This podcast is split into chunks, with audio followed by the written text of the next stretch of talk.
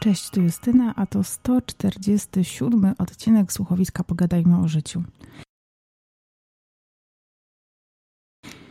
Dzisiaj zapraszam Was do naszego domu, w którym na 50 metrach kwadratowych przeżywamy ostatnio każdą chwilę wspólnie. Część z Was pewnie słuchaczy wie, że prowadzę Instagrama i na tym Instagramie tydzień temu yy, powiedziałam o tym, że w czwartek, prawie tydzień temu, odebraliśmy wyniki testu na koronawirusa przez, yy, zrobionego przez Krzysia. No i okazało się, że jest yy, zarażony, czy zakażony, jak to się mówi. I w związku z tym nasze życie troszkę się zmieniło. Oczywiście nie na tyle, żeby drastycznie jakoś zmieniać swoje plany, chociaż yy, ja pracuję z domu i właściwie w domu od ponad roku toczy się moje życie, to jednak są takie rzeczy, których nie mogę wykonywać podczas tej kwarantanny, ponieważ Krzysiek objęty jest izolacją. Ja nie wiem, czy jestem chora i zaraz też powiem, dlaczego jeszcze nie wiem, a kiedy się dowiem. I dzisiaj trochę chciałam Wam opowiedzieć o tym, jak sobie poradzić w tej sytuacji. Chciałam też e, trochę pokazać, e, że są ludzie, którzy są zarażeni i że oni są wśród nas, żeby wybić wszystkim argumenty pod tytułem no, nie znam nikogo, kto by chorował. E, u nas y, nie wiadomo, czy będę mówiła u nas, no, w naszym przypadku, tak jakby chodzi bardziej tutaj o przypadek oczywiście Krzysia, więc y, zacznę może od początku. Y, Krzysiu do tej pory nie wie, w jaki sposób się zaraził i od kogo, dlatego że w jego pracy nikt nie był chory, ani przed jego zarażeniem, ani po jego zarażeniu, co jest bardzo dobrą informacją, bo pokazuje, że nikogo sam nie zaraził. E, obstawia dwie sytuacje. Może to być przejażdżka metrem, gdzie ktoś obok niego nie miał maseczki, a jechał dość długo tym metrem, ponad 15 minut.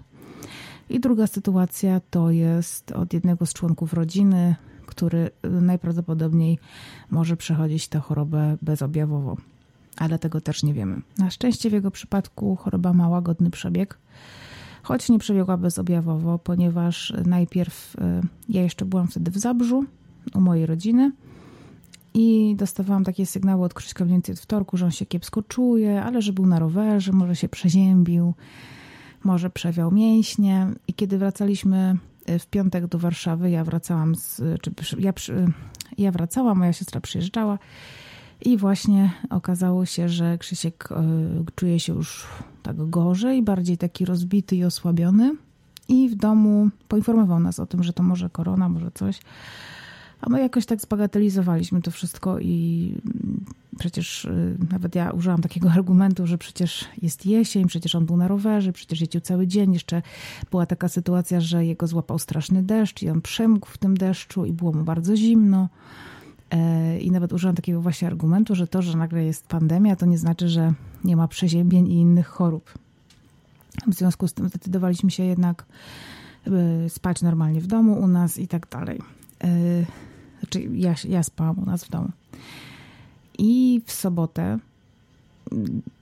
w piątek wieczorem jeszcze Krzysiek sobie zmierzył temperaturę. Okazało się tam, że ma 37 coś, więc faktycznie coś mu dolegało a w sobotę mieliśmy iść na y, takie umówione i wyczekane zajęcia y, somelierskie. No i Krzysiek stwierdził, że on nie jest w stanie na te zajęcia pójść, bo już ma ponad 38 stopni gorączki i to raczej nie jest koronawirus, ale po prostu on nie chce nikogo przypadkiem zarazić i wkopać. Więc myśmy na te zajęcia poszli sami, mm, bez Krzyśka. I kiedy wróciłam z tych zajęć, no to Krzysiu Miał straszne dreszcze w domu, czuł się tak jeszcze gorzej. Mm, ale po podaniu jakichś tam przeciwbólowych leków było mu dużo lepiej. W związku z czym w niedzielę obudził się nawet całkiem rzeźki i taki radosny i pogodny. E, I zdecydowaliśmy się, że pójdziemy sobie na jakiś spacer, więc to zrobiliśmy. I po tym spacerze, kiedy wróciliśmy do domu, to po jakichś dwóch godzinach Krzysiek poczuł się już bardzo słaby. Okazało się, że ma najpierw 38 coś, Więc ja sobie jeszcze pomyślałam, dobra, słuchaj, jeżeli jesteś przeziębiony, to nie zbijajmy tak bardzo tej gorączki, tylko pozwólmy tej gorączce trochę pofunkcjonować w tym ciele, powybijać te wirusy czy tam bakterie. No i tak się stało, że y, po dwóch godzinach Krzysiek już miał ponad 40 stopni gorączki, więc wtedy już się przestraszyliśmy. E, wziął pierwszy raz leki. E, no i tak jakoś trochę dotarło do nas, że to może być coś poważniejszego, bo jednak 40 stopni gorączki to nie jest byle co. Bolała go skóra, miał dreszcze i tak dalej. Więc ja usiadłam oczywiście przed internetem, zaczęłam szukać na jakichś stronach Ministerstwa Zdrowia, co robić. No i tam ze strony którejś tam właśnie y, rządowej zostałam przekierowana do NFZ-u i tam znalazłam coś takiego jak teleporadę, czy nawet nie teleporadę, tylko e-wizytę i można się na tę e-wizytę umówić ona się odbędzie w ciągu kilkudziesięciu, y, matko, przepraszam, kilku godzin. Y, po prostu ktoś z NFZ-u do nas zadzwoni, jakiś lekarz i skonsultuje dany przypadek. Więc y, umówiłam, wpisałam wszystko, y, wszystkie dane Krzysia. Y, on tam leżał i majaczył w łóżku. Ja po prostu cały czas szukałam. Nawet weszłam na jakieś strony, które stawiają diagnozy. No po prostu wpadłam w taki mm, taką niezłą spiralę w ogóle lęku i dowiadywania się tego, co mu może być. Na szczęście mu o niczym nie mówiłam, bo tam były różne dziwne pomysły. Od rosnącego w poprzek zęba mądrości po jakieś zaawansowane stadium raka. Więc y, trochę było nieciekawie. I przez całą noc y, wychodziłam, jak on spał, i po prostu mierzyłam mu temperaturę, czy ona spada, czy nie spada. Ale wiedziałam, że coś jest nie tak, dlatego że jestem z Krzyśkiem 5 lat i widziałam go w różnych e, stanach przeziębień. Natomiast kiedy spał pod trzema kołdrami i grubym kocem, y, takim polarowym, z mikrofibry, sorry, i jeszcze ja mu robiłam takie termofory z butelek, e, pustych butelek po wodzie, gdzie nalewałam bardzo gorącą wodę i on po prostu tymi butelkami był wszędzie obłożony i dalej mu było zimno. No to miałam takie niezbyt ciekawe e, uczucia i emocje w sobie.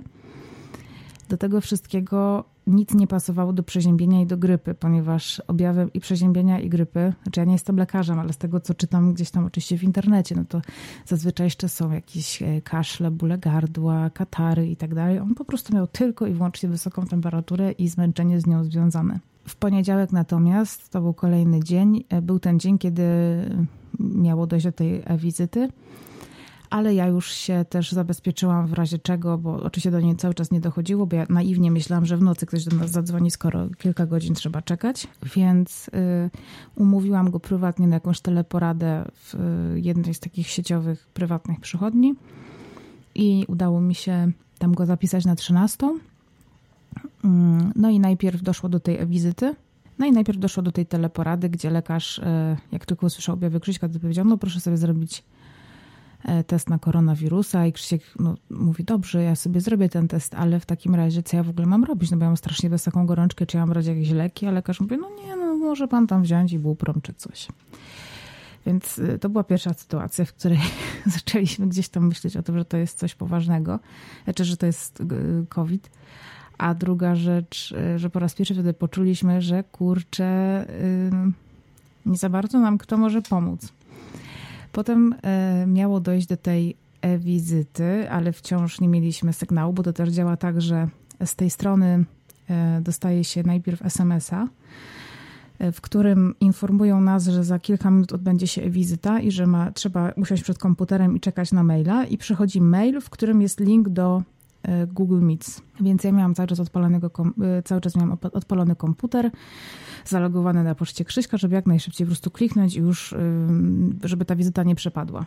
No i lekarz e, z tej prywatnej przychodni powiedział Krzyśkowi, że ma zadzwonić do e, swojego lekarza rodzinnego, bo tylko lekarze rodzinni są w stanie leczyć. E, no tak, tak to jest systemowo zrobione, że tylko Państwowa Służba Zdrowia może robić wszystkie badania związane z koronawirusem i w ogóle zajmować się tymi przypadkami. W związku z czym y, zadzwonił do swojej przychodni, Tam się okazało, że jego lekarza rodzinnego już nie ma, ale że jest jakaś dyżurująca lekarka, z którą pani z recepcji nas połączyła. Ale zanim oczywiście dodzwoniliśmy, dodzwoniliśmy na jakąś na jakiś numer, który po 47 minutach oczekiwania nas w końcu połączyło, bo byliśmy tam 100 któryś w kolejce. Kiedy się w końcu dodzwoniliśmy, to pani powiedziała, a do której przychodni? Krzysiek podał tam nazwę przychodnie, pani, dobrze, to już przełączam, po czym jak przełączyła, to był tylko sygnał pyp, pyp, pyp i koniec połączenia, więc po 47 minutach E, znowu e, nic nie było wiadomo, więc ja na jakiejś podstronie, podstrony, podstrony, na jakiejś starej, po prostu nieaktualizowanej od dawna znalazłam bezpośredni numer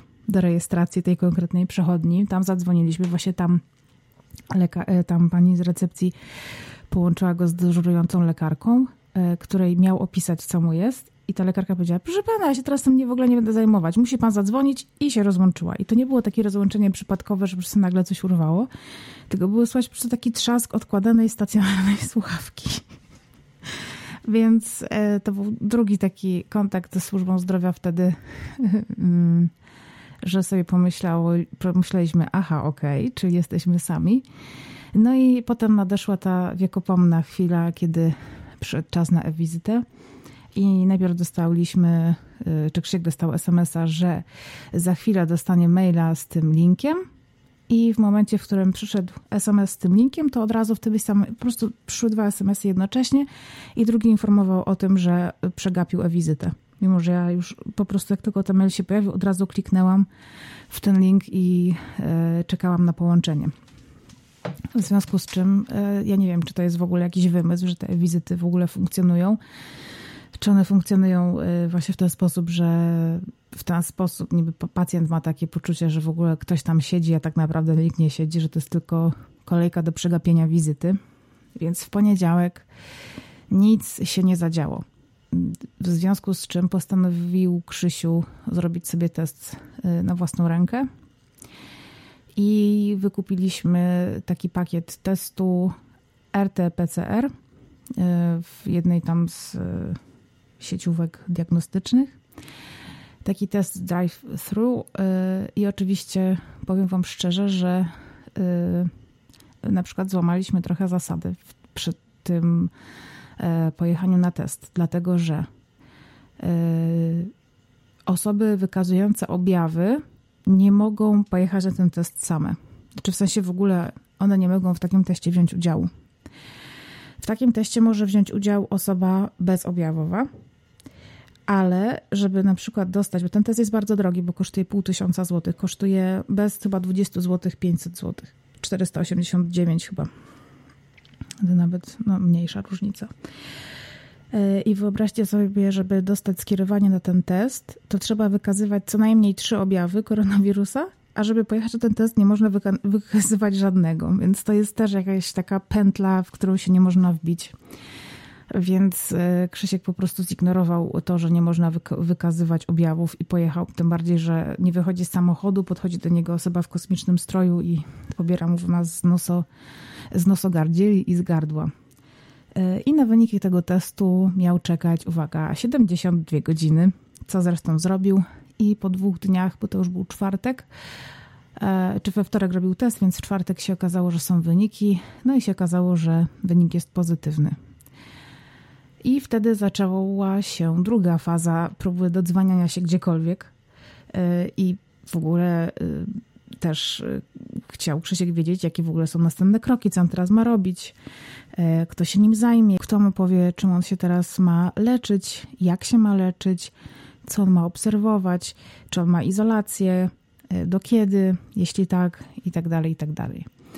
Więc e, w czwartek e, próbowaliśmy się dodzwonić do Sanepidu, bo to już w tym momencie też dotyczyło mnie z racji tego, że mieszkam z osobą, która ma koronawirusa i jestem tak zwaną osobą z kontaktu, to do Sanepidu się nie dało dodzwonić najpierw. Kiedy się dało dodzwonić, to Sanepid mówił, że trzeba się dodzwonić do lekarza rodzinnego, bo to oni e, przyjmują zgłoszenia od chorych, że są chorzy i to oni zawiadamiają Sanepid i to lekarz rodzinny nakłada izolację. Natomiast Sanepid nakłada kwarantannę. E, to też jest tak, że każda z tych wszystkich, e, każdy z tych wszystkich punktów pobrań i z firm, które zajmują się w ogóle testami, mają obowiązek poinformowania sanepidu o tym, że ktoś jest chory czy tam zakażony. Więc to się też pewnie stało. Natomiast dzisiaj jest środa, 9 dni po wyniku pozytywnym, gdzie Krzysiu podał moje dane do systemu, że mieszkam z nim. E, ja sama też powiedziałam to potem swojej lekarce i jeszcze nikt się do mnie nie zgłosił, więc moja kwarantanna jest dobrowolna. Teoretycznie mogłabym sobie zgodnie z prawem chodzić po ulicy i jeżeli jestem chora, ale na przykład bez, bezobjawowo, to mogłam zarażać kolejne osoby, więc y, na ten moment system jest kompletnie nieudolny. Tak to bym określiła. Dopiero w piątek, czyli dzień już 24 godziny po otrzymaniu wyniku pozytywnego i dokładnie w ósmej dobie objawów, y, udało się Krzyśkowi dodzwonić do swojego lekarza rodzinnego, który nałożył na niego izolację, zgłosił to odpowiednim służbom y, i jego izolacja trwa do 26 października, czyli od momentu, w którym został ją, nią objęty, to był 16 października, no to do 26 jest dokładnie 10 dni, bo pewnie wzięli, wzięli pod uwagę to, że już od kilku dni jest chory. E, natomiast mnie, ja zostałam tylko poinformowana w ten sposób, ale to nie było nigdy bezpośrednio do mnie powiedziane, że jestem objęta e, kwarantanną, która obejmuje czas jego izolacji oraz od ostatniego dnia jego izolacji muszę dodać do tego 14 dni i to jest moja kwarantanna, dlatego że teoretycznie do ostatniego dnia jego e, izolacji mogę się od niego zarazić. W związku z czym potem jeszcze muszę odczekać i czekać na objawy. Dlatego też jeszcze nie zrobiłam sobie testu, bo jeżeli go zrobię teraz, kiedy on jeszcze jest na izolacji, to teoretycznie mogę się zarazić 3 za 3 dni. Więc ten test nic mi nie powie, więc zrobię go sobie najprawdopodobniej e, w dniu jego wyjścia w świat, czyli w, we wtorek i poczekam na wyniki pewnie do czwartku, patrząc na jego przykład. Aczkolwiek nie wiem, czy w ogóle się dostanę na test, bo teraz wiem z tego, co obserwuję w mediach, że jest dość trudno się na ten test dostać. E, no i tak to wygląda. Ja nie mam żadnych objawów, nie mam gorączki. Krzysiek czuje się już właściwie normalnie, ma energię, ale było naprawdę, naprawdę ciężko. Właściwie cały czas spał pocił się i miał gorączkę i to było wszystko, co on robił. W dodatku przyszły do tego jeszcze problemy z, y, może nie z tlenem, ale bo normalnie oddychał, ale kilka osób, y, przyjaciół, którzy są po prostu lekarzami, kazali nam nabyć sobie coś takiego jak pulsoksymetr, czyli pulsomierz y, z takim pomiarem nasycenia krwi tlenem.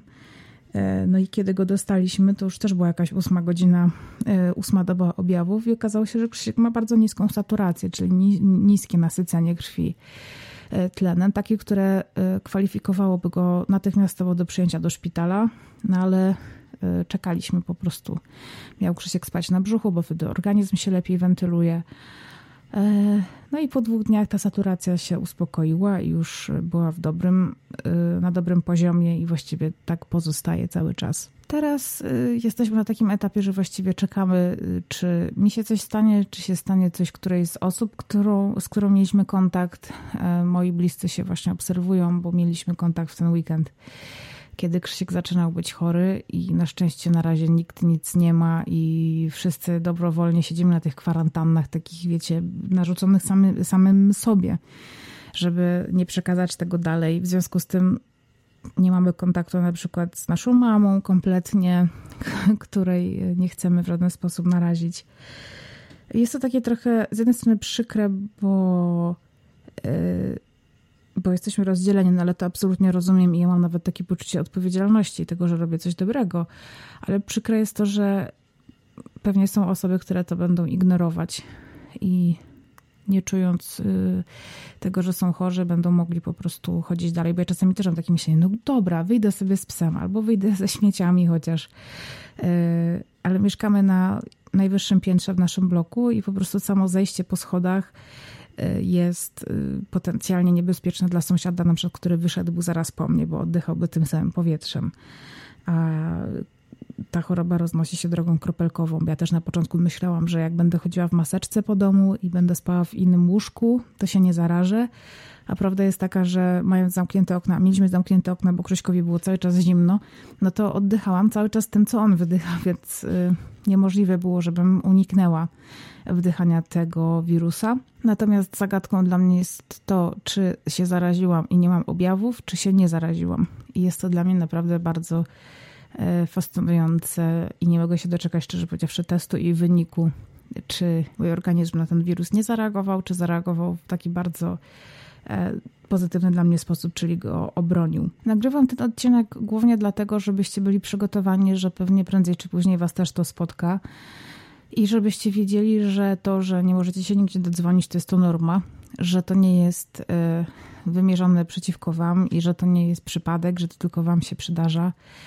E, od razu Wam powiem, gdzie nie dzwonić, a gdzie dzwonić. E, jeżeli jesteście chorzy, albo podejrzewacie, że jesteście chorzy, albo mieliście kontakt z kimś, kto jest chorym, przykład mieszkacie z kimś, kto ma pozytywny wynik, od razu dzwońcie do swojego lekarza rodzinnego, po prostu.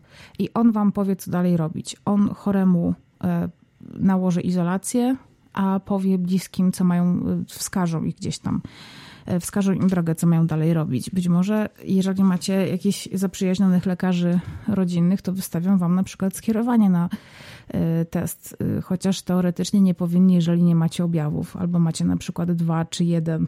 No, więc tak to wygląda.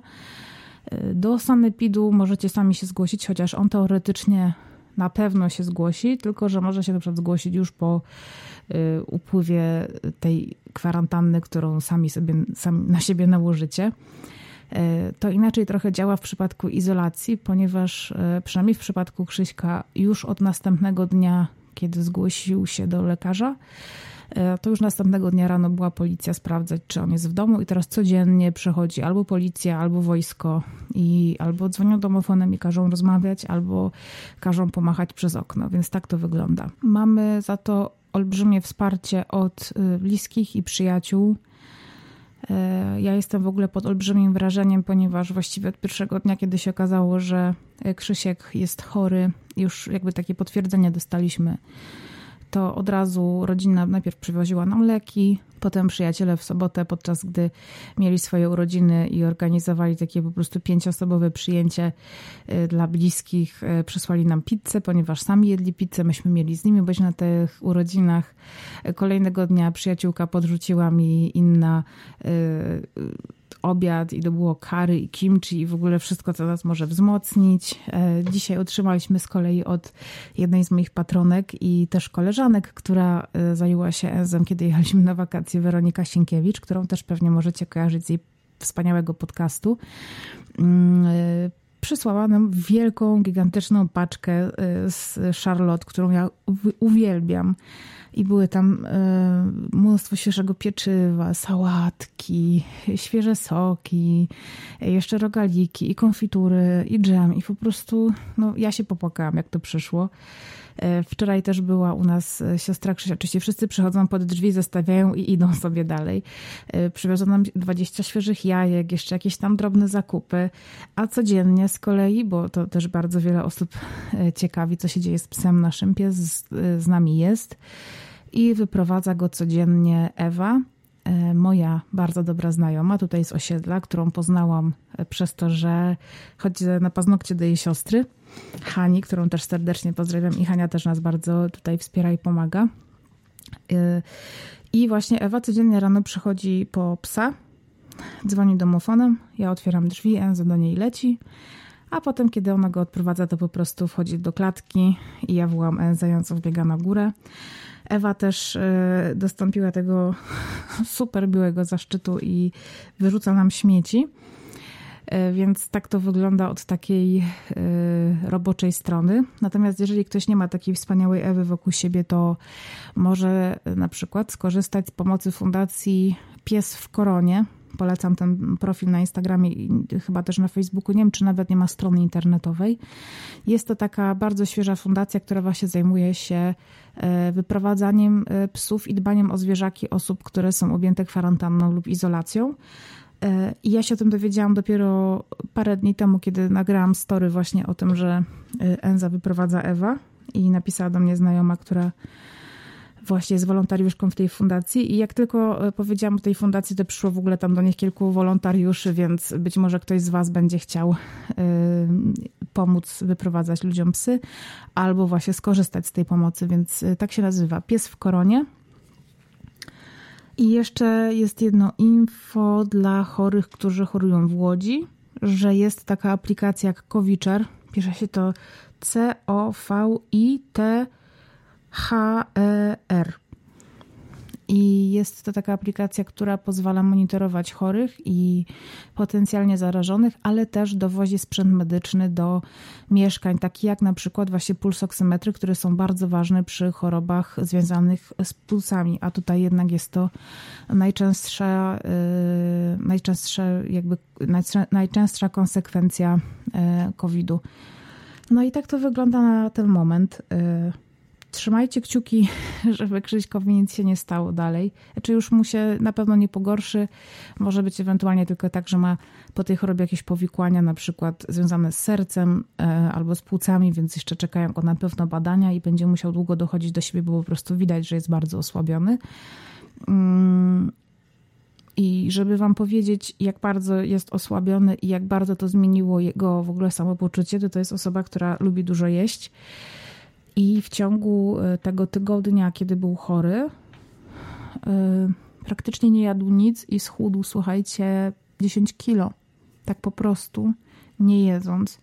Oczywiście mówię to mm, nie po to, żeby teraz sobie ludzie myśleli, że koronawirus to jest e, sposób na chudnięcie, broń Boże, bo domyślam się, że to po prostu musi być straszliwie wyniszczające dla organizmu i też myślę sobie, że to po prostu walka z chorobą pewnie musiała zużyć i kosztować organizm bardzo dużo energii, skoro tyle schód w takim czasie krótkim.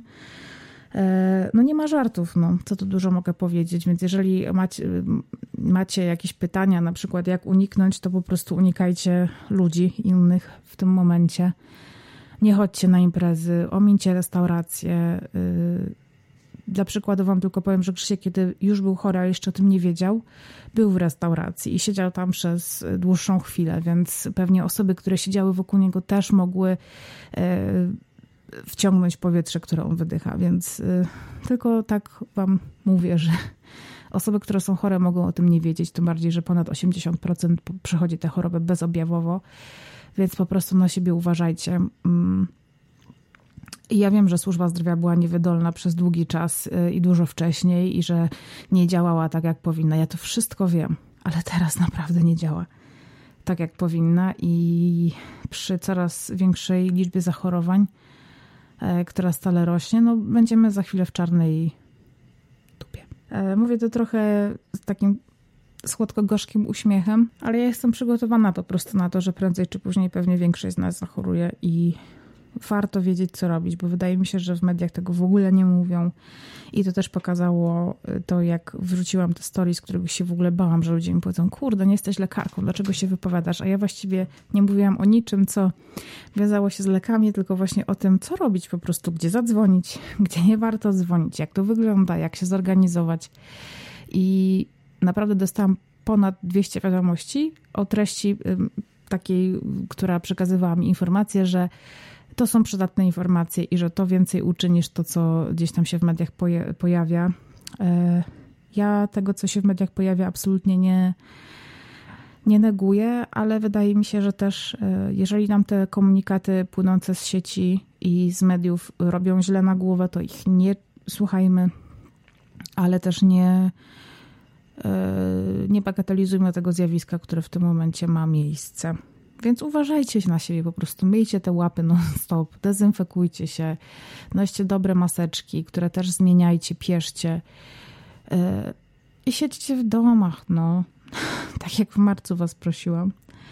Yy, I to tyle. Chciałam dzisiaj właśnie taki odcinek wam wypuścić, yy, który wam trochę o tym powie, jak to wygląda i że też nie ma co się bać tego, że się jest chorym pod kątem takim społecznym. Dla nas w ogóle to jest okres, w którym otrzymujemy tyle dobra i tyle w ogóle wspaniałego wsparcia od innych ludzi i od przyjaciół, i od znajomych, i od osób takich naprawdę jak nasi sąsiedzi, którzy po prostu pierwszego dnia zapukali, że czegoś nie potrzebujemy. Nie ma stygmatyzacji, tylko po prostu jest wsparcie, wsparcie i zrozumienie. I tego wszystkim Wam i nam życzę. I tyle, i do usłyszenia. Y, jeszcze dzisiaj dla fanów y, Piąte nie zabijaj. Y, to mam dobrą informację, ponieważ po skończeniu nagrania tego odcinka wracam do montażu piątego i jeszcze dzisiaj będzie odcinek piątego.